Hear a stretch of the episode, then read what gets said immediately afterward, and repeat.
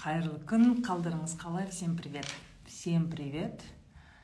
Э, приветики пистолетики. Заходите в эфир.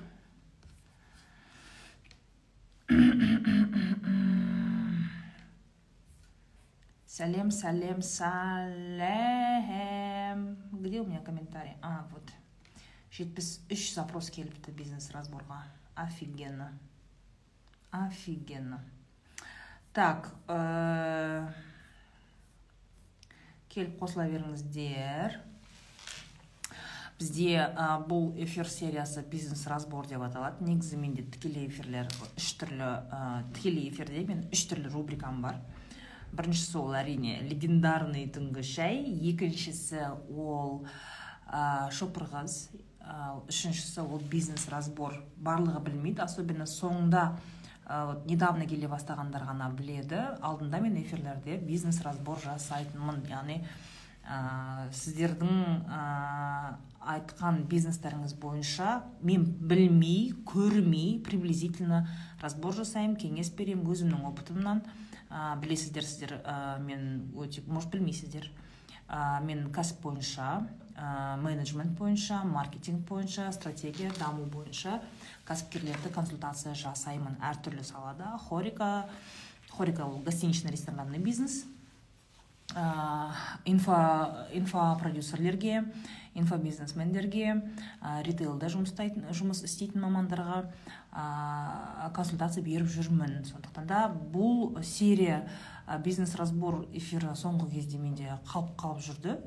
Тек түнгі шай мен шопыр қыз ғана болып жүрді. Өйткені олардың форматы маған оңай да. Шопыр қыз кез келген кезде пробка өте қоса саласың ал түнгі шай иә шай ішіп отырып жасайсың да. Ал бизнес разборға дайындалу керек. Біз командамен көп ойландық. Қалай организовать етсек болады қалай мен аудиториядан разборға ә, сұраныс жинаймын деген сұрақ болды бізде. Ә, сөйтіп ә, менің телеграмымда үнемі отыратын телеграм сүйер қауым менің коучтың кабинетінде отыратын өзімнің оқырмандарым бар. Қазіргі кезде 17 мың болдық қой деп. Сол жерде оқырмандарым ортасында кәсіп бойынша консультация сұрадым. Ой консультацияға запрос жазыңыздар дедім. Қазір мен комментарийді өшіремін сөйтемін де ә, келген ә, маған келген запростарды біртіндеп разбор жасай бастаймын. Сіздердің жазған ақпараттарыңыз бойынша. Яғни что написали то и отвечу. Все яғни андай болмайды типа қалай андай не ары қарай я спрашивать не буду. Сен қандай ақпарат берсең мен сол ақпаратпен жұмыс істеймін. Бір сағат уақытым бар бір сағат отырып жасаймын үлгергенімше үлгермесем ертең жасаймын. Хорошо? Все я комментарий выключаю. Эфир әрине сақталады сақтауға тырысамын сол үшін отқан жоқпыз ба осы жерде? Так ә, ең бірінші маған заявка берген адам жай, жансая сейтмағамбет 24 жаста шымкент қаласынан учебный центр ашамын дейді. Балаларды 5-6 жас мектепке дайындау. Қаланың өзінен дейді. Адам шақырып конкуренттерден ерекшеленгім келеді. Түсініксіз мына мәселе. Өйткені шымкент үлкен қала қай районнан ашу бұл жерде маңызды. Қазір шымкентте соғылып жатқан жаңа райондар бар. Сол жақтан ба? Мысалы тұран деген райондар бар иә? Ә, биай групптың үйлері соғылып жатыр сол жақта. Сол жақта болса егер әрине былай қарау керек та кез келген учебный центрді мектепке жақын жерден ашу керек бұл факт бірінші. Екінші бала шаға көп жер. Ең көп бала шаға туатын жер. Иә кто больше всех рожает где больше всех детей. А, вот сондай сондай жерден ашу керек ерекшелену бұл бизнесте ерекшелену өте қиын ә, тек қана определенный методикалар ғана болмаса. Шетелдік методика монтессори бір нәрсе финский ә, фи, финская система образования деген сияқты. Әртүрлі осындай ә, бір методикада ерекшеленуге болады. Бірақ маркетинг бойынша ең дұрысы оқу орталықтарына особенно мектептегі жаңағы бес алты жастағыларға ол мектептің жанында болу және де ә, бала шаға көп туатын районда болу. Вот вот это вот самый топ. Иә садиктің жанында болуға болады. Яғни клиентіңді аяқпен жүріп іздейсің бұл жерде. Таргетпен жүріп іздеу нереально. Бұл учебный центрға әке шеше мысалы үшін мектепке берген баланы дайындағысы келген кезде ол алысқа бармайды. Бір районнан бір районға бармайды ол учебный центр іздеп ше. Любой мамашка есіктің алдында бере салғысы келеді. Жақын жерден бере салғысы келеді да міне мектептен алып келді ана жерге тастап кетті баланы дегенше ешкімнің уақыты жоқ потому что балаға қарап отыратын. Поэтому учебный центрдің локациясы сондай болу керек это лучший маркетинг. Айдалаға өзің айдалада ақ отау аузы мұрны жоқ отау болып бір жерден бір күшті офис тауып алып ол жаққа адам бармайды. Ол жерде жақын жерде мектеп жоқ бала жоқ ондай жерде жасауға болмайды. Сразу говорю жансая. Вот. Пока из твоего вопроса вот это понятно. Келесісі аружан саттарова. Жиырма бір жаста тараз қаласынан бизнес подарка туралы тараз қаласының өзінде онлайн магазин. Тұрғылықты халық саны именно менің ойымда бес жеті мың шығар дейді. Қалай бес жеті мың? Таразда ма? Қуасың ба е? Аружан тұрғылықты халық саны именно менің районымда. Начинающий бизнес. Сұрақты да бір қалай бизнес істейсіңдер түрлеріңмен уже қаным қарайып жатыр бар ғой ше тараз население осындай бір мен бизнес бастағым келеді да үш жүз елу сегіз мың таразда. Ә, тараз қаласында үш жүз елу сегіз мың халық бар. Ә, бизнес подарка бизнес подарка жаңағы басшыларға беретін мұғалімдерге беретін бастықтарға беретін. Бұл өте ә, жалпы узкая ниша бизнес подаркаге бұның қасына еще сувенир қосу керек. Яғни сен тек қана сол бизнесмендердің празднигі мысалы кім ол бизнесмендер бизнес подарканы кімге береді? Қазір онша мұнша предпринимательдерға ондай бүйтіп мындай сувенирлар андай столдың алдына қоятын сағат бір бәле деген нәрсе бермейді ондай. Бизнесмены такое не любят как бы это неинтересно это как бы не. Ал жаңағы сен примерно бизнес подарок деп тұрған андай сағат статуя бір бәле шір бәле сувенир ғой жаңағы анау. Әкім мектептің директоры завуч сондайларға беретін ше это очень узкая ниша. Тек қана бизнес подаркамен отыруға болмайды. Оның қасында басқа да ә, сопутствующий товарлар болу керек. Яғни сувенирлар блокноттар бір бәле шір бәле. Сондай бірдеңемен жаппасаң только бизнес сувенир ешкімге өтпейді это только по праздникам. Там сегізінші март жиырма үшінші февраль тоғызыншы май ә, жаңағы день прокурора день бір нәрсе день энергетика деген күндерде ғана өтеді. Қалған кезде не жейсің? Не жейсің аружан сорлау? Сосын ақшаң тұрады сосын товарға салған ақшаң. Ойланып істеңдер. Дальше. Ә, зейнеп нұр 23 жаста астана қаласы қуырылған балық мини ресторан. Астана қаласынан ашамыз маркетинг реклама қалай дамыту керек? Креативный идеяларға ашықпын дейді зейнеп. Очень хорошая ниша. Қуырылған балық это классно. Ә, ну смотря қандай районда. Опять таки мини ресторандар ә, жаңағы балықтың иісі шығып тұрады. Бұл жерде арома маркетингті қолдануға болады. Яғни дәмді қуырылған балықтың иісі. Сон, сондықтан повар майға қарап отыру керек май күйіп кетпеу керек. Май күйіп андай болады күйген неприятный майдың иісі қуырылған кездегі. Сол егер сен майды уақытылы ә, ауыстырмасаң будет неприятный запах. Будут все короче ругаться будут все нервничать. Көршілерің шығады если ол домның астында бірдеңеде болатын болса қасындағылар будут нервничать. Поэтому майдың сапасына қарап отыру керек. Біріншіден. Екіншіден конечно ә, қуырылған балық ол ыстықтай берілетін тағам болғандықтан ә, мен ойлаймын оның упаковкасы. Например вот смотри фиш чипс бар. Ә, англияда англияның тамағы фиш чипс яғни қуырылған балықпен қасында фри мынандай қағазға оралып беріледі. Ә, фастфуд ретінде адамдар алып кетіп жейді. Ә, сондай сияқты не жасауға болады яғни тек қана отырып жеу емес. Ә, вот в формате фиш чипс үлкен емес. Кусочками например судак толстолобиктер олардың бәрі филе болады ғой ішінде сүйегі жоқ. Соны клярмен ба қуырып или қызартып қойып па не знаю оны поварыңнан сұрайсың. Соны қуырып прям ә, немен чипсымен қасында картофельный немен жаңағыдай не чипсы именно вот картофельные дольки да жареные. Сондай немен соуспен фастфуд ретінде де сатуға болады. Жақын арадан бастау керек қасында адам көп болу керек. То есть ә, ресторан ә, фастфудный ресторан не может надеяться на то что саған алыстан клиенттер келмейді саған топовый жер алу керек та. Ә, өйткені сенің қазаның өшпеу керек постоянно балық қуырылу керек чтобы жаңағы арома маркетинг болу үшін. Ол үшін сенде трафик әр беркеге кетіп жатқан адамдар көп болу керек. Ең маңыздысы ол жерде жаңағыдай ә, дұрыс упаковка иә отырып та жеу и тұрып та жеп кете беру деген сияқты осындай нәрсе болу керек. Ә, дальше. Азамат отыздамын алматы. Алматы қаласында интернет магазин детских товаров игрушек. Вайлдберриске шығу үйге қажетті заттар. Алматы қаласында екі миллион адам. Вайлдберрис аудиториясы жеті мемлекетте начинающий предприниматель маркетинг саласында жұмыс жасағанмын. Қандай жұмыс делегировать етіп қай жұмыс өзім жасаған дұрысырақ тым көп анализ жасап әрекетті кейінге қалдыру әдетінен қалай арылуға болады? Много думать и не делать. Жасым отызда дейді. Ну скорее всего отызға келіп енді кәсіп жасап жатсаңыз либо сіздің аузыңыз күйген уже поэтому вы много думаете не делаете да?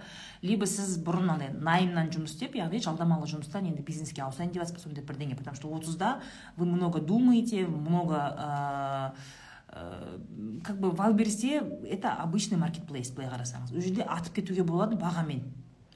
Бағамен жақсы фотосессиямен суретпен. Ну обычно қытайдан келіп жатқан ойыншық бірдеңелерге бүйтіп отдельный фотосессия ешкім жасамайды. Сол өзі қытайдан келген суретін алады да жабыстырып қоя береді вайлберсте менің білуімше я не знаю какого уровня ваш товар.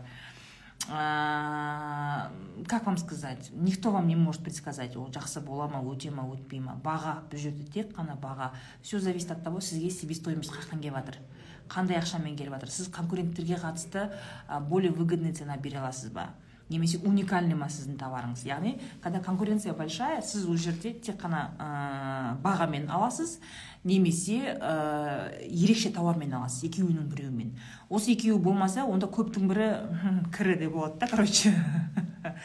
Как перестать злорадствовать вот скажите.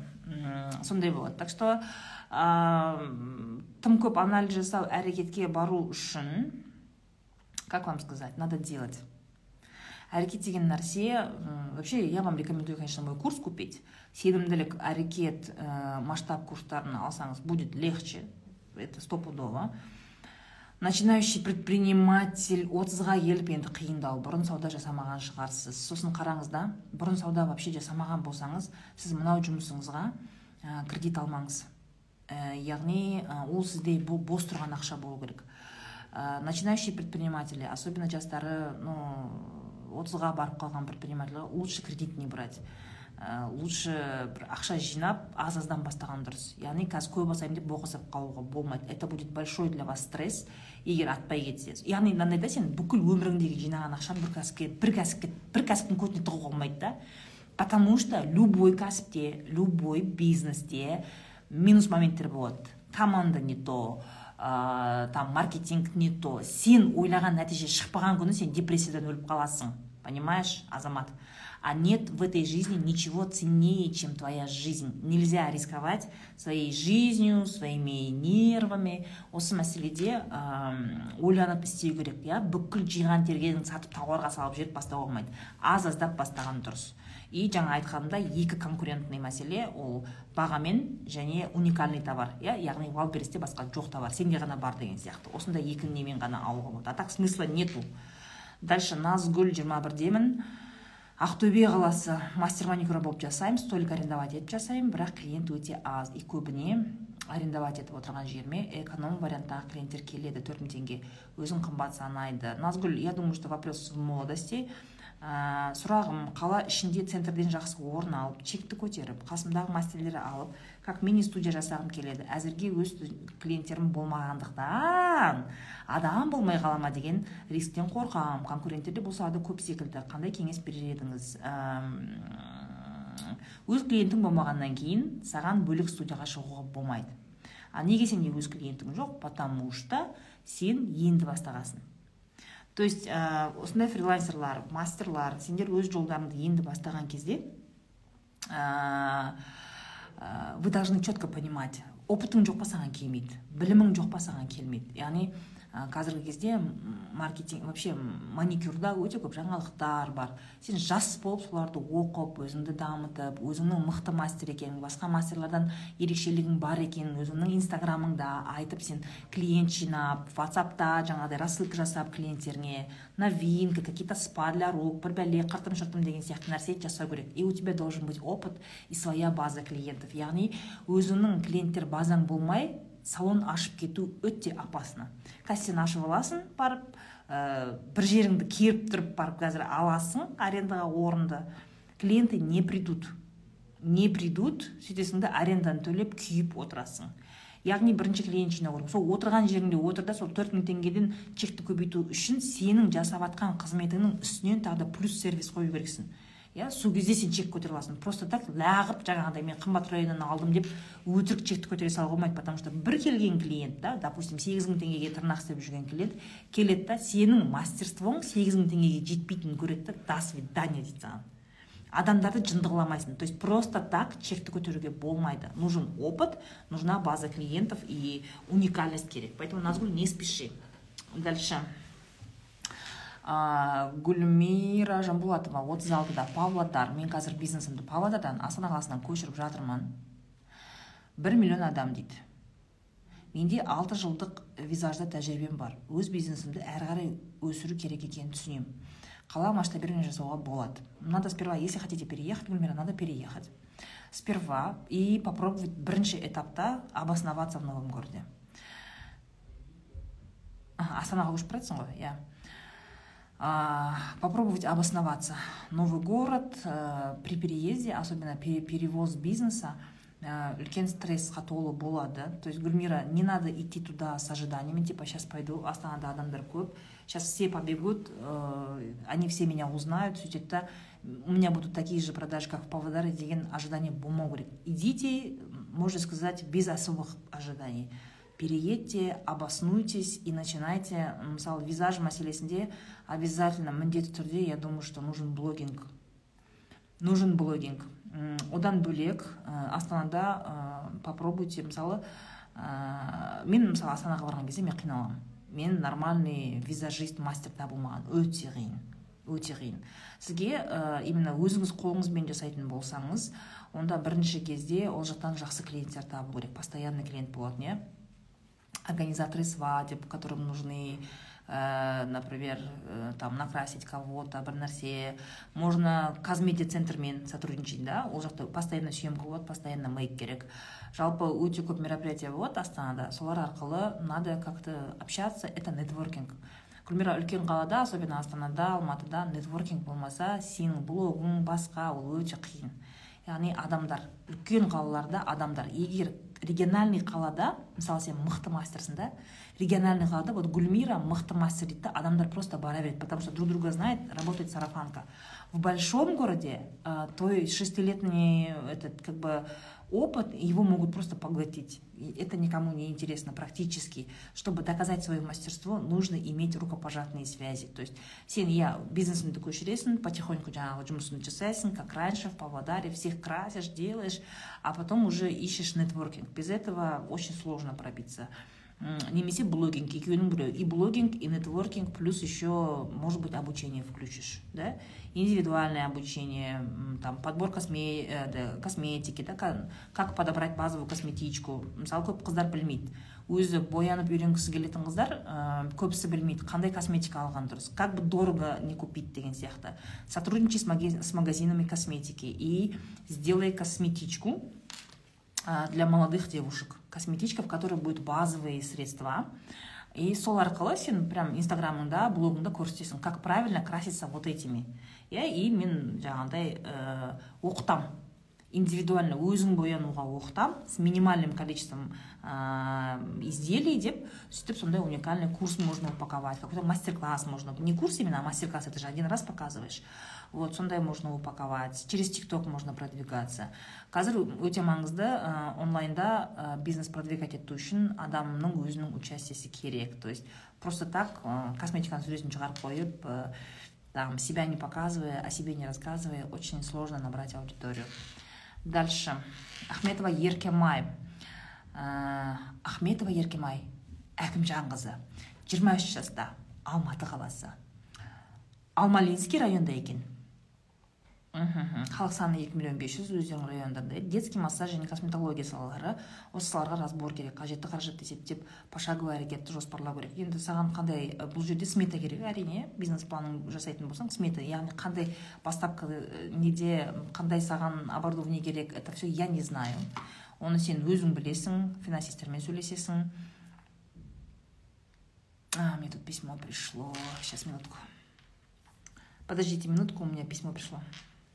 Очень важное сейчас. Так, қайда кетті почтам вот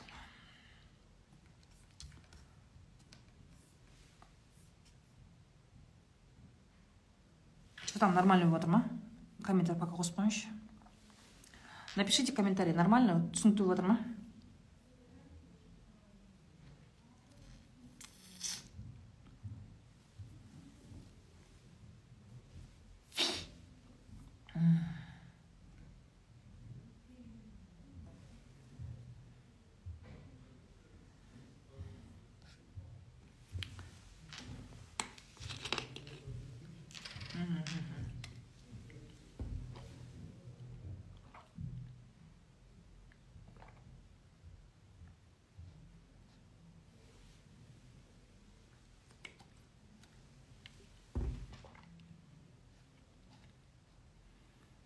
Так, отлично. Отлично, с 5 по 12, да? Октябрь 12. Все окей, понятно. А, Привет. Сұрақты телеграмға жазып жатыр. Телеграм каналға жазып жатыр. Все понятно будет, да? Бәрі түсінікті жатыр ғой, да? Мощно. Все, все, все. Все понятно. Аптека ашқым келеді. Вот это вот ашқым келеді, армандаймын бірдеңе деген заявку я не принимаю. Телеграмға по правилам, э, как я указала, э, сөйтіп толтырыңыздар.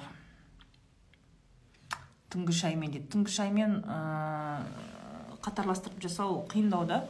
Потому что түнгі шайға запрос басқа все равно. Бұл жерде кәсіпкерлер отырады. Кәсіпкерлерде, естественно, запросы другие басқа қатынау байыңа бүйтіп айт е!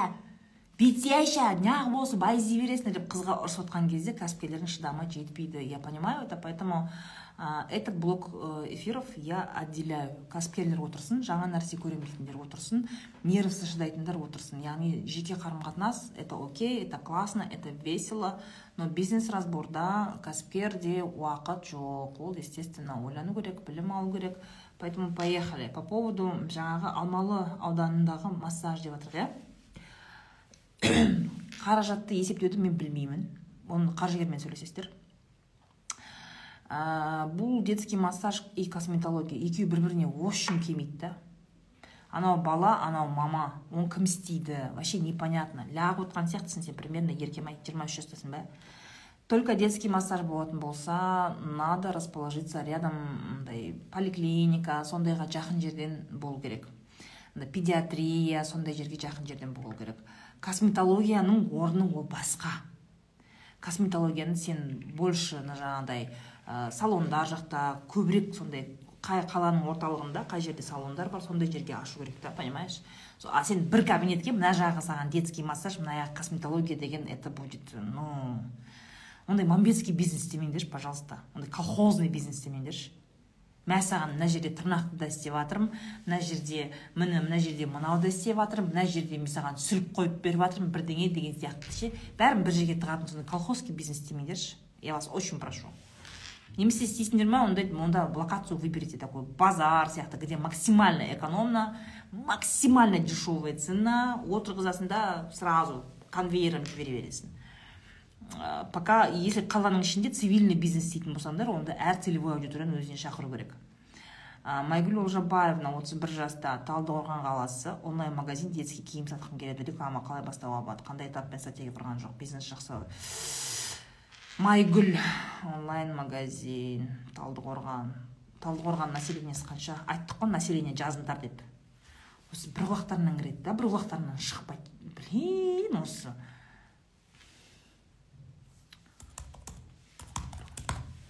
Мен талдықорғанда никогда болмаған бірдеңе деп айта алмаймын жүз қырық төрт мың адамы бар екен. Екі мың он жетінші жылғы санақ бойынша. Вроде бы небольшой такой город. Жүз елу мың десек те білмеймін неге осы сендер қатындар неғып детский киімге жабыса бересіңдер басқа детский киімнен басқа идея жоқ па сендерде? Талдықорғанда спрос бар ма детский киімге? То есть конкуренция қандай? Сен нарықты есепте. Нарықты қара бірінші. Ә, бір бәле болса әйелдердің бүкіл фантазиясын жететін жері детский киім. Оның үстіне көп қоса алмайсың да ғой пайда да жоқ қой арендаң жеп қояды. А балаларды келіп киіндіріп көргісі келеді любая мамаша. Не все мамы такие пысық та которые четко знают баламның бойы мынандай мынандай размер деп білмейтіндер де бар. Сосын кейбір брендтердің киімдері размерге сай келмейді. то есть онлайнды ашу тут блядь мамалар өйтіп кимейді они любят когда баласын андай аңыратып қойып киіндіріп қойып тек андай киім болмаса если там не знаю типа бодики майки носочки сондай болмаса обычно допустим там курточки брюки деген сияқты сондай серьезный киімдер болатын болса оның размер то есть под размер родители не всегда могут выбрать понимаешь не всегда то есть место для примерки тебе нужно будет Обязательно нужно будет. Если ты умеешь охуенно вести Инстаграм, вот офигенно, если умеешь вести Инстаграм, то не обязательно торговую точку арендовать. Можно допустим центральный бір жкдан бір квартиру очень красиво студиясы қылып сияқты қылып істеп ана жерге бір бір шкаф балаларға уголок істеп қойып яғни квартира сияқты сондай бір бөлме или офис сияқты бизнес центрде офис сияқты оның арендасы арзандау болады да бұл жерде саған арендамен ұтпасаң жеп қояды ақша арендадан ұту керек но все равно балаларды киіндірмей алмайды мамалар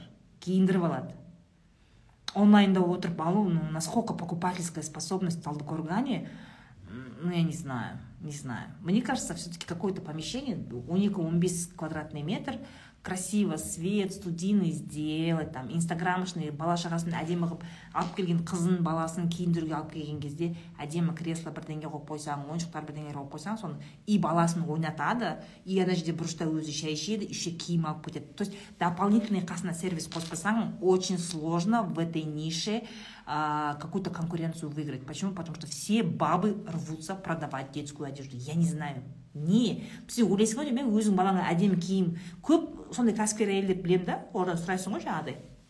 Неге именно детский киім десең? Өзім сол балаларымды әдемі қылып киіндіргенді жақсы көремін да. Сондай маған ұнайды да сол үшін сондай бизнес істегім келеді деген лаққан әңгіме айтады да. Сен нарыққа қарасай. Есть әдемі да мен балаларды сөйтіп киіндіргенді жақсы көремін. Сен әдемі сенің вкусыңа әдемі нәрсе. Басқа мамаларға вкусны әдемі болмауы мүмкін. Поэтому на свой вкус не обольщайтесь. Любой киім сататындар любой киім сататындар на свой вкус не обольщайтесь. Ана менің вкусым күшті да та та та өзің вкусыңмен әкелесің сосын ол тұрады сатылмай. Ақшаңды ұстап. Подумай очень сильно. Дальше. Сәлеметсіз бе? Есімім әлия болатбекқызы отыз сегіз жастамын көпбалалы анамын құтты болсын. Қызылорда қаласында тұрамын отыз жылдай алматыда тұрамын дейді. Ниша тігін саласына қажетті лекала сызғыштар өндірісі. Осы бизнесті он ай болды. Инстаграммен бастадым. Запрос систематизировать продажу көбейту рынокқа шығу қорқынышты жеңу. Видишь у тебя товар b2b алия. B2c емес иә? B2b яғни сен өз тауарыңды ыыы жаңағы ательелерге сатасың тігін цехтарына сатасың сенен кәсіпкерлер алу керек. Кәсіпті кәсіпкерлерге продвигать ету ол кішкене басқаша. Все равно ол жерде маркетинг басқа стратегия басқа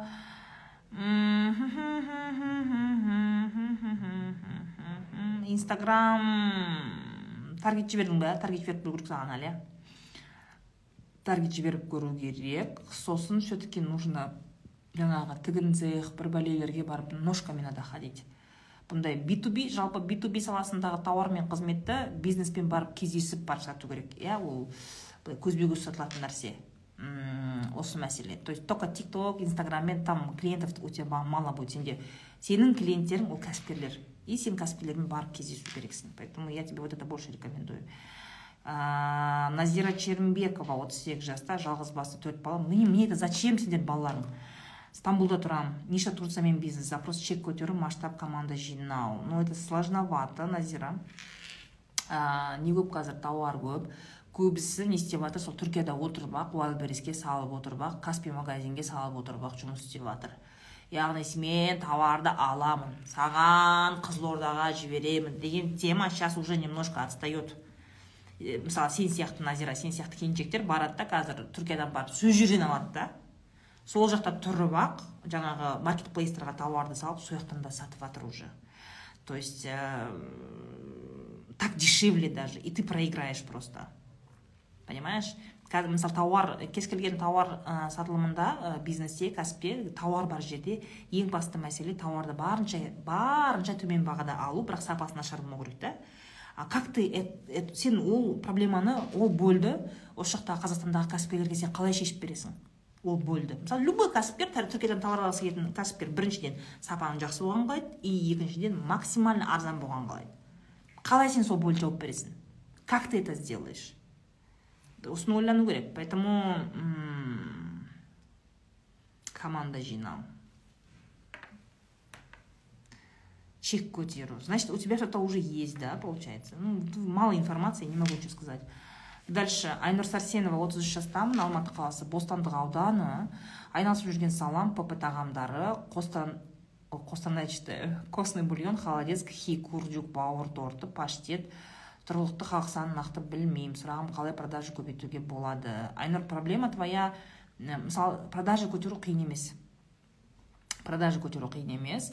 Бұл жерде проблема сенде производительность. Насколько ты можешь ә, мысалы любой маркетингті қазір креативті қоссаң продажаны көбейтуге болады. Ә, сен сол продажа көбейген кезде адамдардан запрос көбейген кезде сен жауап бере аласың ба? Сенде оборудование уақыт жете ма?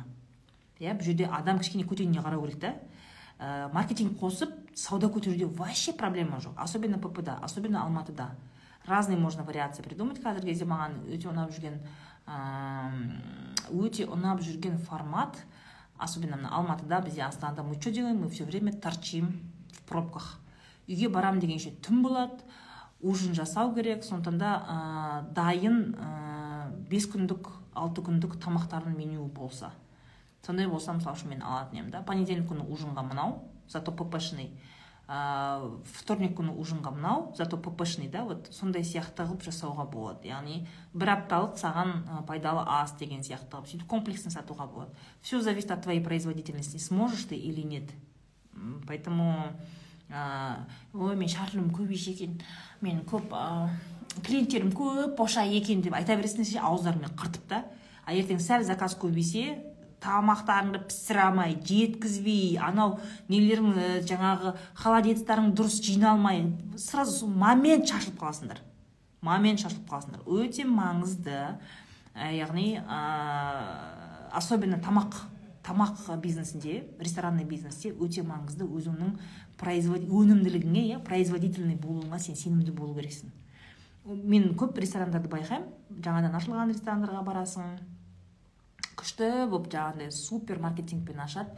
Алады там интернетте біреу бүйтіп күшті реклама жасайды. Елдің бәрі топырлап бір моментте обеденный посадкаға немесе вечерний посадкаға барып қалған кезде лағып қуалап а, официанттары қуып қай жаққа не әкелгенін білмей ана жерде крышалары кетіп тамағы дұрыс піспей сөйтеді да яғни кез келген тамаққа қатысты ә, бизнесте осындай риск бар иә? Маркетинг көтерілген кезде сен сол маркетингте сол клиенттердің запросын жауап бере аласың ба жауап бере алмайсың ба? Жауап бере алмасаң болды твои клиенты уйдут от тебя навсегда. Это всегда так. Ресторанный бизнес он очень жестокий. Клиент келді бір рет не то алды ма қайтып келмейді саған. Қайтып келмейді придется начинать все с нуля.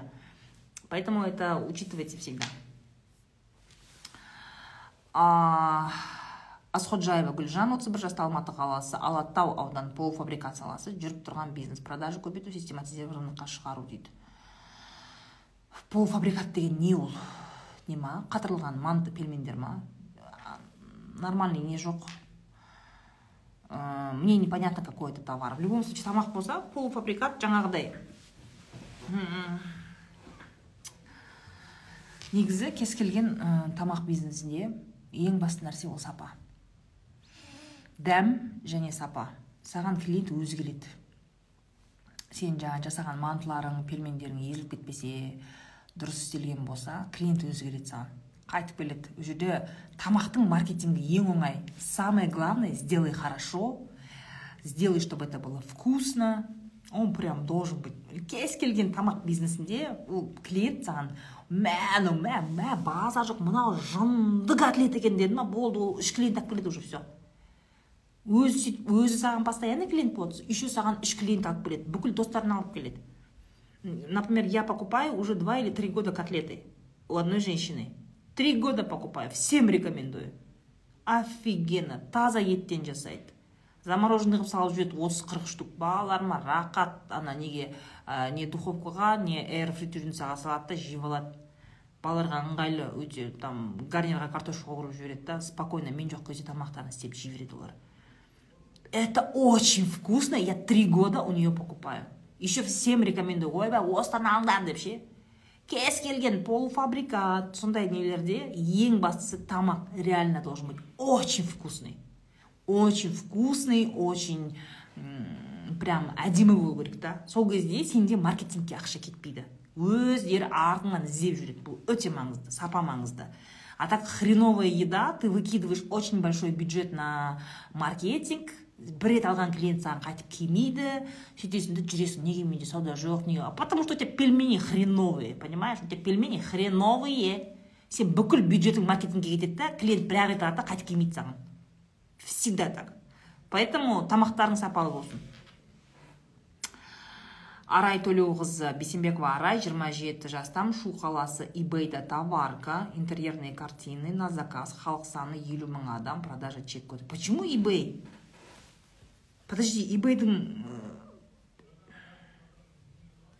ибей это же маркетплейс всемирный же да? Или что? Немножко мне непонятно. Пошли дальше. Ақжарқын қосбаева жасым 34-те шымкент шымкент қаласының товарный знак бренд логотип магазин немесе кафе атауларын тіркеумен авторлық құқық патент алып берумен айналысатын оңтүстік патент жеке ұйымын жүргіземін күйеуіміз екеуміз керемет. Өте керек нәрсе. Услуга көрсету онлайнда жүзеге асырылатын болғандықтан қазақстанның кез келген қаласының елді мекен тұрғындары дальше не разборға деген запросым клиент тарту реклама жағын қарастыру сотрудничайте с дизайнерами. Ажарқын дизайнер мысалы товарный знак бренд логотип деп тұрсың ғой. Саған соответственно бренд логотиптермен жұмыс істеу сен дизайнерлермен осындай упаковка жасайтын дизайнерлермен подружка боласың. Күйеуің. Екеуің деп шай жасап үйде ше шақырып сондай дизайнерлерді алматыға келіп мысалы абай омарды сен дастарханға шақырасың. Абай әбеке қалайсыз? деп ше. Бізде осындай давайте вместе сотрудничать маған. Менің атымды айтып мені жіберіп тұрсаңыз бір бәле сен сондай коллаборацияға барасың. То есть у тебя вопрос такой сенікі де би ту би это не би ту си уже кәсіп жасап жатқан және өзінің ә, жаңағы ә, брендін өзін, өзінің бренді үшін қатты күйіп пісетін адамдарды табу керек та а это люди которые идут специально заказывать дизайнеру. Ақша төлеп сол ақша төлеп төлеп дизайн логотип нейминг жасайтындармен барып сотрудничать етесің. Вот шайға шақырасың солармен қалайсыздар? Давайте дружить давайте деген әңгіме. Бұл жаңағы бренд логотип. Енді кафе атаулары. Кафе магазин атаулары сен налоговыйда адам ұста. Ә, сен налоговыйда шымкентте бәрің өздерің между собойсыңдар ғой бәрің налоговыйдан адам ұста. Именно жаңа ип ны келіп тіркеу ип да кафенің атын тіркеу бір бәле деген немен айналысатын налоговыйда адамдар бар. Сен солармен дос боласың солармен шай ішіп үйіңде дастархан жасап шақырасың күйеуің екеуің ше аха деп келіңіздер құрметті қонақтар дос болайық бір бәле деген сондай дизайнерлерді шақырып сөйтіп орта құрасың раз уж по всему казахстану да? Сен бірінші шымкентті игеріп шымкентті игеріп ал шымкентте өте үлкен население. Шымкентті одан кейін соның бәрін әдемілеп инстаграмға шығара алсаң осының маңыздылығын көрсетсең до и после почему это важно? Почему предпринимать должен это делать деген сияқты нәрселерді сен айтып отыру керексің сөйтіп табасың клиенттеріңді түсінікті ма боже мой. Неғып бәрі жазып кетті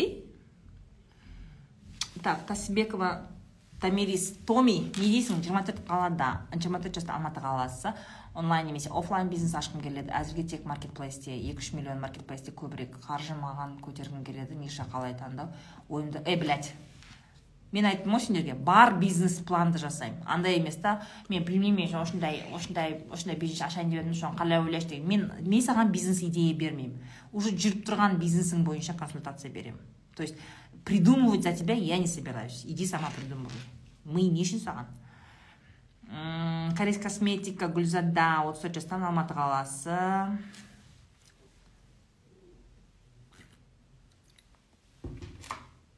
қазақ тілінен онлайн сабақ беремін үлкен кісілерге екінші бизнес интернет магазин корейский жеті сегіз жыл болды корейский косметики қазақ тілі бойынша жақсы продюсермен жұмыс жасап үлкен жекке шыққым келеді бір сабақ он бес мың теңге тағы қосымша табыс тапқым келеді блин қазақ тілі ә, курс ретінде оны сату қиын. Қазақ тілін репетиторствомен сату керек.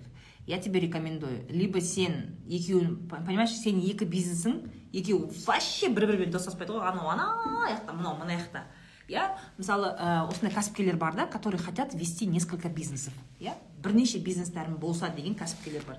Пожалуйста бір біріне туысқан бизнес табыңдаршы бір біріне жақын туысқан. Андай емес та біреуі айдалада жезқазғанда біреуі неде томскіде россияда не пойдет такое? Не пойдет. Когда ты держишь параллельный бизнес они должны друг с другом дружить. Сен мына жақтағы базаңды мына жаққа оңай әкелетіндей бір сферада примерный болу керек вот это вот не надо ваше знаете вот мен қазір ма мен крупный бизнесменмін ана жерде мындай бар мына жерде мындай бар деген өтірік ол. Бүйтіп бұттарың айырып кетпесін екі жаққа қарай жүгіремін деп ше. Қазақ тілін обучение это всегда идет через ә, лучше всего. Мысалы қазақ тілін кім алады оқуға. Көбіне алатын ол орыс тілді адамдар мамандар. Олар еріккеннен алмайды. Жұмыста қысқаннан кейін алады. Жұмыста қандарын ішіп қояды ғой? Жаңағыдай сен білмесең анау аккредитация бірдеңе тапсырамайды. Соответственно олар отырып нервісі шыдамайды курс оқуға. Сен қазақ тілінің курсымен масштабқа шыға алмайсың. Соответственно сен репетиторствомен тоже масштабқа шыға алмайсың егер масштабный ақша істегің келетін болса онда давай либо в корейскую косметику куда то уходи в одну сторону. Екі бизнесің бір біріне очень туысқан емес поэтому қиын болады. Либо останешься на этом месте. Амангүл амангүл жиырма алтыда алматы қаласы мебельный цех стол трансформер корпусный мебель фурнитура. Қазақстан бойынша оптом розничный сатқым келеді және әлеуметтік желіде танымал болу. Жүр ма осы уже бар ма бизнесің? Или ойыңда ма әлі миыңда ма қазір не бар инстаграмыңда? Не көрсетіп жатсың жиырма алты жаста сенің уже мебельный цехың бар ма? Анық ақпарат жазбасаңдар мне сложно будет ә, разобрать. Дальше. Әсел ай абен айсел отыз екіде шымкент қаласында онлайн хит тауарлар сататын бизнес ашайын деп жатырмын бизнес мекенжай шымкент халық саны бір миллионнан асады мен разборға деген запросым көп адам шақырғым келеді қаржы жағын көтеру және реклама. Хит товар деген не ол? Не кіреді оның ішіне? Мен сәл білмегеннен кейін айта алмайды екенмін. Ештеңе дей алмаймын әсел дальше қуанышбекқызы шаттық отыз бірдемін өзен қаласы онлайн. Онлайн бірдеңемен айналысқым келеді деген запрос қарамаймын.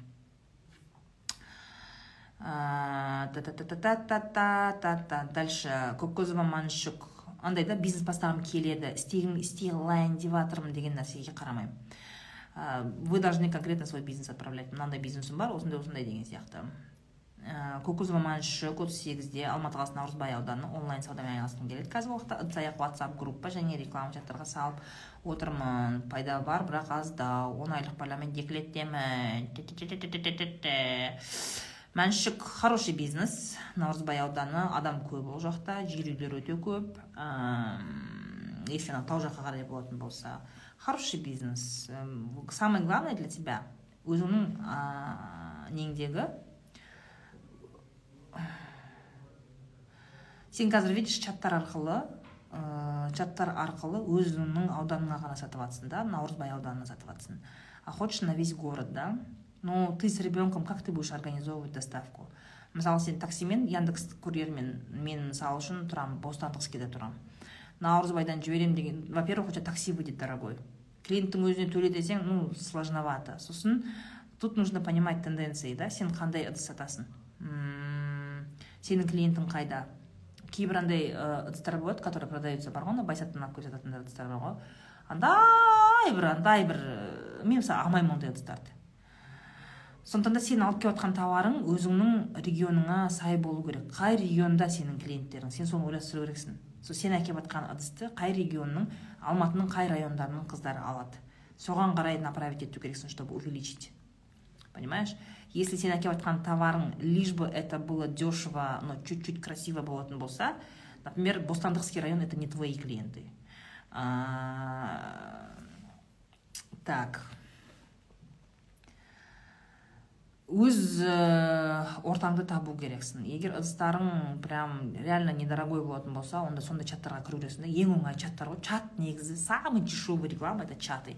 Разный мұғалімдерские детские соседские жк ның чаттары. Мысалы асыл арманның чатына кіріп кетсең сен бақыттысың. Құдай асыл арманның чаты деген это просто целый целый это мини государство асыл арман ше оның ішіне кір кетіп бірдеңе сататын болсаң там очень много людей ә, можно хорошо тоже продавать. Ақыры үйде отырсың ба баламен. Онша мұнша андай таргет бірдеңеге ақша құртпа сен сондай чаттармен сатсаң просто чаттардың санын көбейт. Я тебе вот такой вот рекомендую. Мкарсит казина отыз бесте семей қаласы банкетный зал гостиница. Екі мың он тоғыздан бері клиент санын көбейту табыс көзін арттыру реклама беру халық саны бойынша үш жүз мыңдай біздің бизнес қаланың шетінде орналасқан. Хоть табиғат бар ма? Кім? Іңкәр? Если табиғат болса күшті да. Гостиничный бизнес то есть вот эта хорика она очень классная. Саған ә, ненді ә, жалпы негізі ә, немен сатуға тырыссай. Банкетный залды гостиницамен бірге сатуға тырыс. Жаңағы қонақтар келіп қалады бірдеңе яғни сен банкетный залды сатсаң банкетный залды сатсаң осы тойға қатысушылардың атынан скидка бар номерларға деген сияқты. А, ол бір бір топ адамдар. Ә, екінші топ адамдар ә, ол егер табиғаты жақсы жерде болатын болса онда организовать рядом какие то жақын қыдыратын жері сондай болатын болса тоже да типа некий такой эко отдых локацияны көріп мен айта алмаймын саған. Локация жоқ. Мен түсінбей тұрмын қай жер қаланың сырты деген. По мне менің ойымда қаланың сырты это красивая природа. Соответственно ол жерде неше түрлі зоналар зона отдыха жасап қоюға болады да чтобы люди днем отдыхали а вечером приходили спать в гостиницу деген сияқты. Ә, монша қояды монша соғуға болады сондай ше. Бізде алматыда көп қой сондай загородные вот такие вот гостиницы. Сол сияқты ма? Бірдеңе деп айта алмай тұрмын. Но банкетный зал это классно. Банкетный зал бұл күшті. Өзіңнің сол келіп жатқан клиенттеріңнің ә, несіне қарай запростарына қарай дизайн все дела дополнительный услуга сату керексің. Жаңағыдай суретке түсіретін бірдеңелер көп қой. Мысалы банкетке банкетке тапсыратын болсаң декорды отдельно сатасың суретке түсіретінді отдельно сатасың. Сол сияқты барлық ә, сервисті вот клиентіңе не керек соның бәрін беруге тырысу керек. А так локация маған түсініксіз болып тұр. Ұлжан он сегіздемін шымкент қаласы компьютер қызметтер онлайн түрде екі мың жиырма екіден бастап істеп келе жатырмын тұрғылықты жерде қырық мыңға жуық адам бар. Разборға деген запрос реклама жасап қаржы компьютерный қандай қызмет? Ұлжан қандай қызмет? Не не? Андай не ма? Текст наверное бересің ба? Не істейсің компьютерный қызмет деген? Не жазсаңдаршы. Жазсаңдаршы ашып не екенін. Әсел ерікқызы жасым жиырма бесте қызылорда облысы байқоңыр қаласы. Базар жоқ. Байқоңыр қаласын ашқалы жатырмын. Хиджама центр халық саны жетпіс бес мың. Запрос. Адам шақырғым келеді. Қаржы жағын көтергім келеді. Көбісі түсінбейді не екенін. Правильно преподнести продать услугу. Блять вот ты әсел вот вообще не в ту не в ту степь. Э, конечно байқоңыр білмейді. Байқоңыр живет по законам российской федерации. Олар общем не то что хиджама исламның не екенін білмейтін адамдар ғой. Как ты это будешь продавать? Я не знаю. Онда сен аш та хиджама центріңді? Аш та и жаңағыдай ә, осындай мұсылман жамағаттарының ортасына кіріп ал өзің кәсіпкер ретінде. Жаңағыдай орамалды қыздардың тусовкасына кіріп аласың бар ғой любой қалада бар. Орамал тағатын қыздар ә, жаңағы бір бір өзі жамағатқа бөлініп алатыны бар сол жерде сондайлардың арасында тусоваться ету керексің да между собой будешь продавать. И, соответственно, будешь вести некий такой Инстаграм, Инстаграмда показывать, для чего, рассказывать. То есть саған как первопроходец сияқты саған надо все от азбуки начинать иә например хиджама байқоңыр деп қоясың да инстаграмыңа сөйтесің да айтасың. Мынау мынау үшін прям шығып өстіп говорящий головамен айтып отырасың. Хиджама мынандай жағдайда жасаған дұрыс мынандай мәселе жасаған арықтауға бір бәлеге арқаң ауырғанда басың ауырғанда ұйықтай алмай жүргенде деген сияқты сондай проблемалармен айтасың да байқоңыр деп жазып қоясың. Байқоңыр хиджама деп жазып қоясың. Сөйтесің де жаңағы жамағаттың ортасына кіріп аласың. Вот твои продажи. Түсінікті отыр ма мен басым ауырып кетті если честно. Знаете легче конечно тонкий шай делать потому что вопросы несложные а здесь нужно каждый раз с новым вопросом э, внедряться э, в новый бизнес поэтому я сразу заметила что сложновато прям сложновато голова напрягается сейчас мысалы гостиничный бизнестен хиджамаға хиджамадан кітап сату бірдеңеден бірдеңеге и у меня вот голова вот э, как теннисный мячик мына жақтан мына жаққа секіріп жатыр да я прям напряжение почувствовала сильное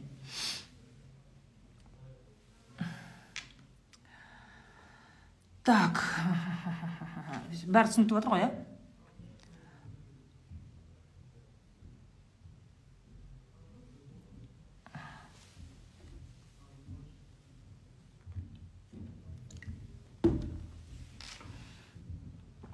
Так, у меня осталось 8 минут. А, Дамиткин. Көзіңіз қызарып кетті. Да, еще и съемки у меня были. Почти три часа. Эфир сақталады, конечно же. Эфир сақталады. Асламан чатына Асламанды біреумен дос болып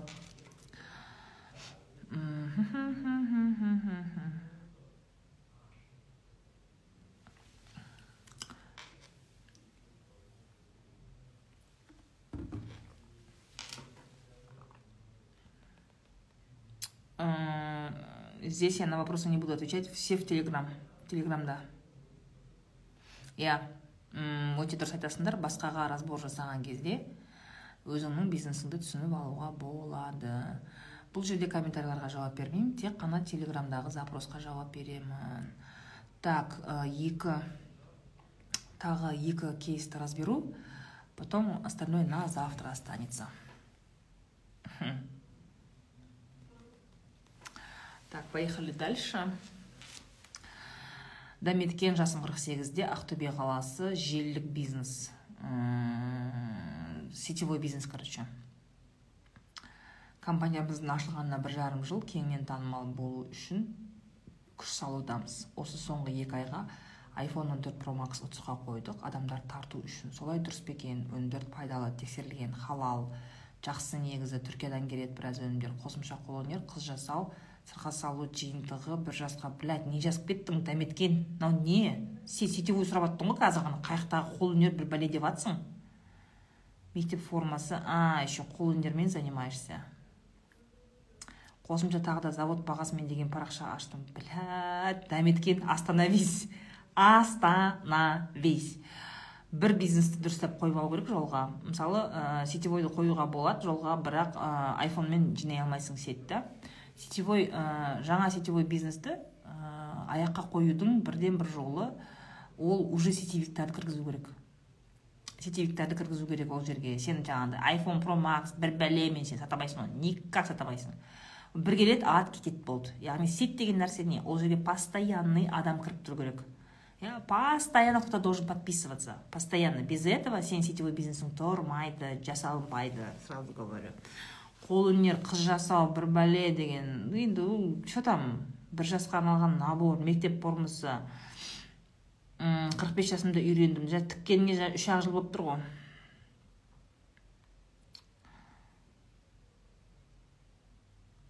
Не дейді? Қабылдаймын бірақ күту уақыты. Бәрі керек сияқты. Енді қарашы дәметкен үш вообще бір бірімен туысқан емес бизнес жасап да қолөнер оптовый товар еще оның келетін уақыты бір жылға дейін. И сетевой. Сен бүйтсейші сен екеуін де қалсай жаңағы тігісіңді қалдыр и сетевойды қалдыр. И сетевой она развивается как любой сетевойға сен уже дайын сетевикті кіргізесің. Өзінің алдында командасы бар. Мысалы мэри кейда уже директор ма біреуді кіргізесің өйткені оның астында қол астында ба тола адамдар бар. Соларға шақырып айтады ей! Мен новый а бизнес әкелдім кіріңдер соған десе оны тыңдайды да артындағы отыз қырық қатын бірден кіреді. Сөйтіп сетті көтеріп кетеді. Сенің айфонмен далеко не уедешь сразу скажу. И қыз жасауы ну енді соу соу знаешь это тоже и конкуренция там большая и сол үшін бұл жерде де опять таки дәметкен это производительность. Жалғыз өзің мына жақтан сетевой істеп жүрсең мына жақтан оптовик товар істеп жүрсең мына жақтан оны тігесің ба? Қашан істейсің оның бәрін? Қашан істейсің? Получается у тебя ни там нету продаж ни здесь нету ни здесь нету ни мында жоқсың ни анда жоқсың. Зато ауызбен айтқанда керемет ойбай үш бірдей бизнес істеп жатырмын оптовиктерді әкеліп жатырмын ананы істеп жатырмын бірақ ақша жоқ. Денег нету. Почему? Потому что ни один из этих проектов не доведен до ума. Проект должен быть доведен до ума прям. Понимаешь? Четко четко сетевой ма жолға қою керек до конца. Ана жақтан мына жақтан секіре бермей ты же уже взрослая женщина дәметкен сколько тебе лет? Сорок восемь тебе. Взрослая же женщина конкретно бір орынға қойып ал біреуін сөйт әрі қарай жаса ана ананың басын бір шалып мынаның бәрін бір шалып сосын қайда? Жоқ дәметкен таппайсың қайда екенін білмейсің. Қай жақта ойбай бизнесте крутой. Айтпен ауызбен айтқанда керемет. А выход такой что денег нету. Так последний вопрос. Гүлзира киятова. Отыз алты жас ақтау қаласы ақтаудан қаланың ортасынан ашқым келеді нені? Қазір тамақпен айналысам үйде отырып не ашқың келеді? Қазір тамақпен айналысам үйде отырып жасаймын полуфабрикаттар шығарамын на заказ дайын піскен тамақтарды жіберемін. Точка ашқым келеді кафе или кулинарный көп жылдық ойымда жүр бастай алмай жүрмін жан жақты дамытқым келеді реклама қаржы жағын көтеру керек. Кеңес берсеңіз. Не деймін кеңес беріп саған? Сен ақшаңды жинайсың. Бір үш төрт ай мысалы сен күнде қазір полуфабрикат дайын тамақ істеп жүрсің ғой. Содан тапқан табысыңды ешқайда құртпай қонаққа бармай түркияға путевка алмай кішкене тақымыңды қысып ана ақшаны бір бес алты ай жинайсың. Сөйтесің да қолыңа газет аласың ба или крыша газетті ашасың ба аяғыңа тәпішкені киесің да ақтаудың ішін барып айналып келесің барып. Жаяу точкаларды көріп. Какая точка тебе подойдет? Саған қандай квадратный метр керек цехқа? Ол цех ашу ол үлкен процесс иә? Ол жерде хранение бар басқа бар пісіретін жер бар сақтайтын жер бар. Өте көп ол жерде ше. Разделка бар. Яғни үйден тамақ істеу это одно а производство еды именно в цеху это другое. Ол жерде производственный процесс жүреді иә сен закуптан бастап уже сен уже адам аласың иә закуптан бастап оның подготовкасы бар оның қуыратын бірдеңесі бар. Одан кейін там оборудование очень много. Мысалы конвектор алу керексің сен. Конвектомат па еді конвектомат деген аппарат бар где то жеті сегіз миллион тұрады. Сондай алсаң рахат. Мысалға салып қоясың ә, бірнеше тамақты бір, бір мезетте салып қоюға болады сонда у тебя производительность будет высокая мысалы обедтің кезінде офистарға фук фук апарып тастайсың да тез тез я думаю это должен быть выглядеть вот так вот көшенің бойында арт жағы цех алдыңғы жағы кәдімгідей как бы лавочка. Люди могут прийти забрать с собой сол жерден алып кетіп та ең көп өтетін ондай кезде конечно вот эти вот жаңағыдай пирожки запеченные пирожки бір нәрсе тез тез обедтің кезінде келіп алып кетіп мысалы ә, жаңағыдай школьниктер кетіп бара жатып сабақтан кетіп бара жеп кететін деген сияқты. Сондай не тұрады да и с собой еду забрать. А потом ол жерде ә, әрі қарай производствоны егер көбейтетін болсаң онда магазиндерге супермаркеттерге апаруға болады иә. Яғни срок годности жабыстырасың да бүгін обедте өтіп кететін тамақтар деген сияқты. Кофейняда біз мысалы үшін осы жерде бизнес центрде сондай тамақтарды жейміз. Дайындалған не істеген әртүрлі әкеліп қояды. Күнде сол күні болады сол күні жеп кетесің. Сондай сияқты да. Но смотри производственный процесс бұндай бизнесте құру өте қиын гүлзира. Бұл жерде мәселе қаланың ортасында емес қаланың ортасы деп мәз болып ғой мына жерде. Там важно чтобы не қаланың ортасы а там важно чтобы это было адам көп жүретін жер болу керек. Өйткені сен айтып отқан тамақ жаңағы полуфабрикаттан бөлек жаңағы күнделікті офисқа обедке ужинға алып кететін тамақ или жұмыстан кетіп алып кететін тамақ дегенің ол күнде сатылу керек. Сосын сен ақтауда отыра берме ештеңе қарасайшы. Мысалы алматыға келетін болсаң шах деген кафелер бар. Екі точка бар деп біреуі сатпаевада біреуі гагаринада по моему сен бар да сол жеріне барып қара. Вот они поставили лавку еще кормят. Гагаринада шах бар гагаринада нони деген бар. Сол екеуінің істеп жатқан тірлігін көріп келіңдер. Вот сенің айтып жатқаның примерно сол бизнес. Барып көріп кел қалай жасап жатыр қайтып адам жұмсап жатыр. То есть отырып алып мен ақтауда мен армандаймыншы ортасынан қақ ортасынан осындай бизнес ашқым келеді деген тема это несерьезный разговор. Это вообще несерьезный разговор. Серьезный разговор это когда ты идешь исследуешь такой подобный бизнес осындай бизнес бар ма қалай жасап жатыр қанша адам қанша команда ерінбей алматыға келесің де бір аптаға келесің де күнде сол жерден барып тамақ жейсің. Примерно күнде қарап жүріп қанша адам жұмсап жатыр қалай жасап жатыр аңдисың мүмкіндігің болса келіп осындай жерге жұмысқа тұр. Яғни цехты ашу үшін просто так жасау қиын да надо исследовать. Цех істеу оңай емес тамақты. Сен үйде істеп отырғаның басқа а цехта это басқа. Производственный процессте ашып кетуге болмайды. Есть ә, риски отравления егер сенің сотруднигің жаңағы тауықтың етін дұрыс сақтамаса тауықтың етінен өте көп отравление болады. Немесе пісірген кезде дұрыс пісірмесе бітті атасына кетті қазір. Бәрі сосын іші өтіп ертең сені соттап қаныңды ішеді. Сондықтан да сен осындай цех ашатын кезде сен бәрі білім алу керексің сен оқу керексің. Просто так мен үйде күшті мант істеймін да. Сонымен цех ашып мант ашайын деп едім деген нәрсе болмайды. Надо обучаться профессионально. Иә кулинарияны именно производственный цехтарда кулинария жасауды үйрену керек. Сол бұл соңғы кейс. Гүлзирадан мен тоқтадық па? Ары қарай. Мына жерде бір лаура жазып қойыпты. Ашқым келеді но не знаю с чего. Я тоже не знаю. Маған ондай сұрақ қоймаңдар. Мен сендер үшін арман тауып бермеймін. Өздерің армандаңдар. Так ә, все я на этом останавливаюсь. Қалғандары келесі ә, нелерде болады как его? Эфирлерде болады ертең он екіге қойып жатырмын кажется мен. Иә ертең он екіде болады табиғат қаутай деген кім? Неғып жаза бересіңдер маған. Кім ол?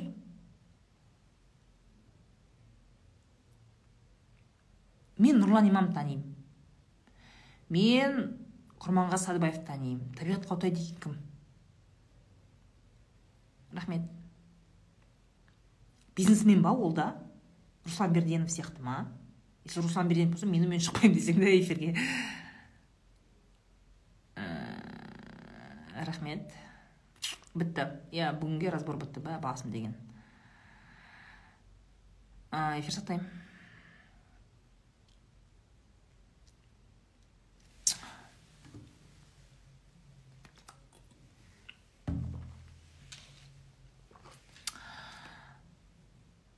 Но ұстаздардың ішінде я именно ұстаз ә, ислами ұстаз ретінде я только құрманғазы ағайды признаю больше никого.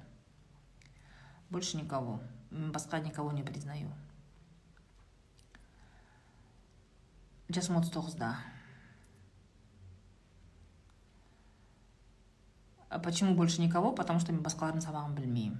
Құрманғазы ағайдың сабағын білемін. Өйткені живой да қатысқанмын онлайн да қатысқанмын. Ол кісінің материалдары подачасы ой өрісі маған өте қатты ұнайды. Неше бизнес разбор дейсің ба санап көрші тоқта.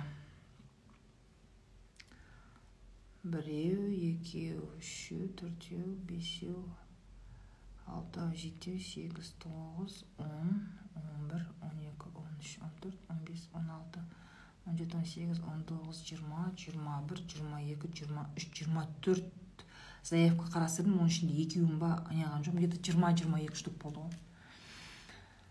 Құрманғазы садыбаев ұстаз иә діни ол әл асқарда 19 жыл оқыған.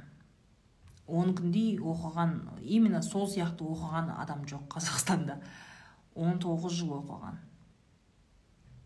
Очень классно рассказывает. Кстати, недавно у него был подкаст. Нарикбиге келген қонаққа. Послушайте. Классные вещи говорит. Очень классные вещи. Съемканы қазір сториста айтып беремін.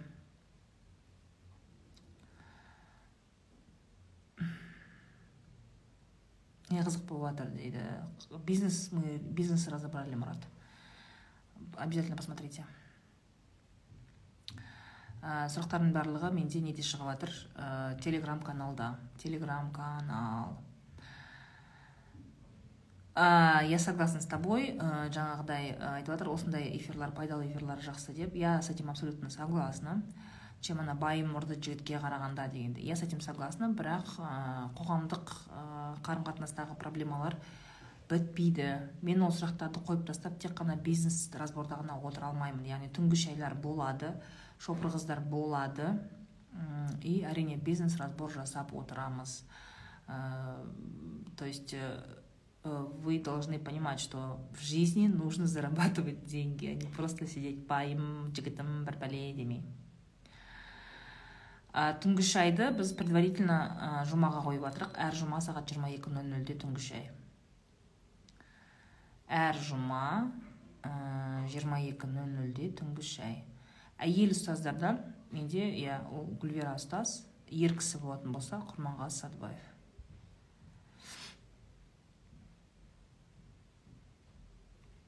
ә, неге бәрін білемін но істемеймін бизнес жағынан. Ошиб про этот ә, страх ошибок шагиров. Страх ошибок.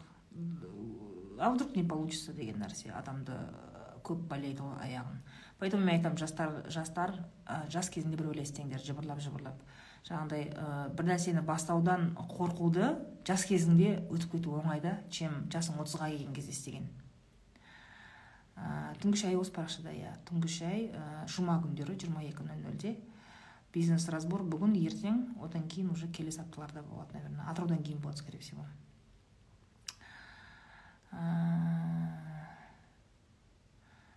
Оқуға ешқандай кеш емес қой дейді конечно.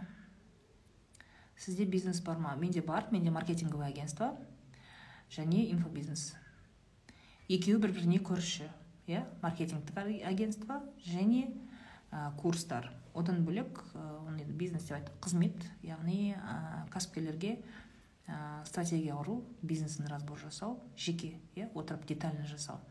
Вот осы екі осы үш направление они все друг с другом связаны. Яғни менің үш направлением бір біріне туысқан жаңағыдай емес та біреу біреу айта да біреу екінші далада емес та иә бірнеше бизнес ашамын дейтіндер сендердің бизнестарың бір бірімен туысқан болу керек. Мысалы осы мәселеде маған ә, кім ұнайды сырымбектау сырымбектау ағай бар ғой бәрін білесіңдер ғой. Сол кісінің несі ұнайды да вот он говорит ә, ол бірінші например йокохама алып келе бастайды. Сотрудниктер көбейеді иә? Йокохама жаңағыдай сақтау керек сату керек.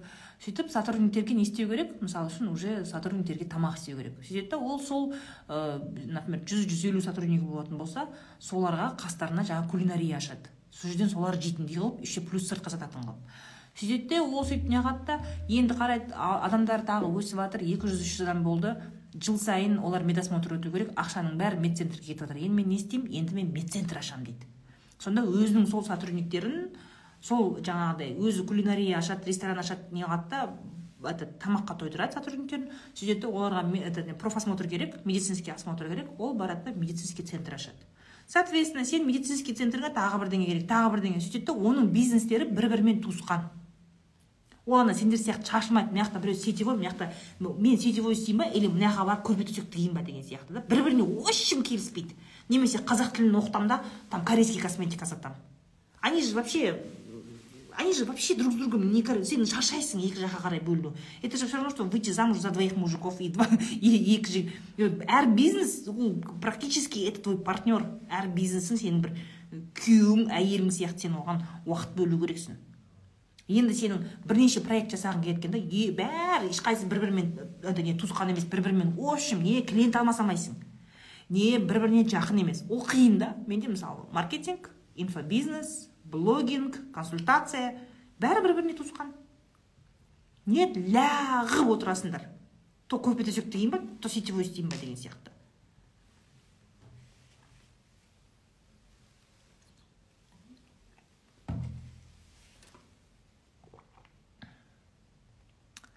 Бір біріне ұқсайтын идеялар жәрмеңкесі болып жатыр ғой дейді. Бизнес везде одинаковый. Бәрі бір біріне ұқсайды. Бизнесте не старайтесь искать какую то уникальную идею ешкімде жоқ идея іздеуге тырыспаңдар. Не играйтесь в это.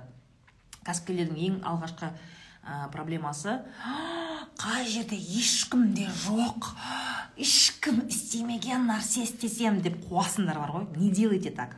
Сенің ә, аудитория білмейтін бизнесті алып келесің сосын отырасың ақшаңның бәрін салып қойып так нельзя делать. Хороший бизнес это то что бар нәрсені улучшать ету. Иә мысалы ә, бір ә, салон бар. Сен танитын салон бар. Адамдар жақсы келеді но там сервис нашар тағы бірдеңе оборудованиесі кір деген сияқты да. Сен салон ашасың бірақ сол минустармен жұмыс істеп сен лучше делаешь сервис. Не надо придумывать велосипед. Бизнесмендерге велосипед придумывать нельзя. Нахрена вам это надо? Мынанша білемін. Особенно в ресторанном бизнесе. Бір какой то ит жемейтін тамақты алып келесіңдер.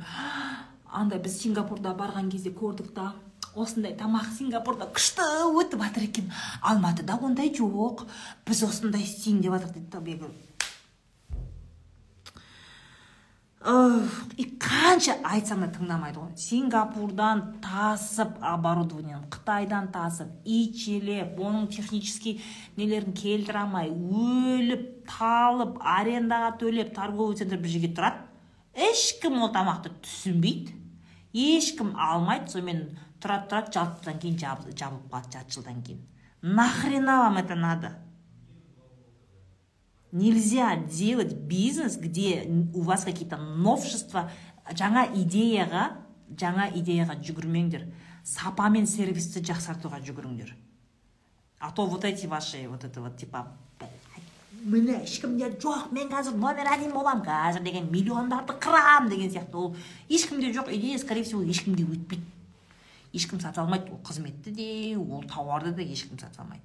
Поэтому, кәсіпкерлер, никогда не бегите за новые идеи. Всегда бар идеяны надо улучшать. Тамақ па дәмдірек істе. Қызмет па жақсырақ істе. Қай жерде кемшілік бар соны жабуға тырысу керек. Не, не, не гоняйтесь за новые идеи. Это не нужно вообще. Нарықта просто бізде любой нәрсе андай ғой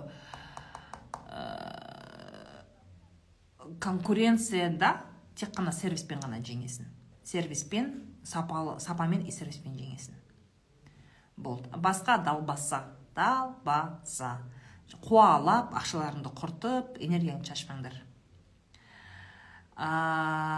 Таргет смм родственники конечно конечно.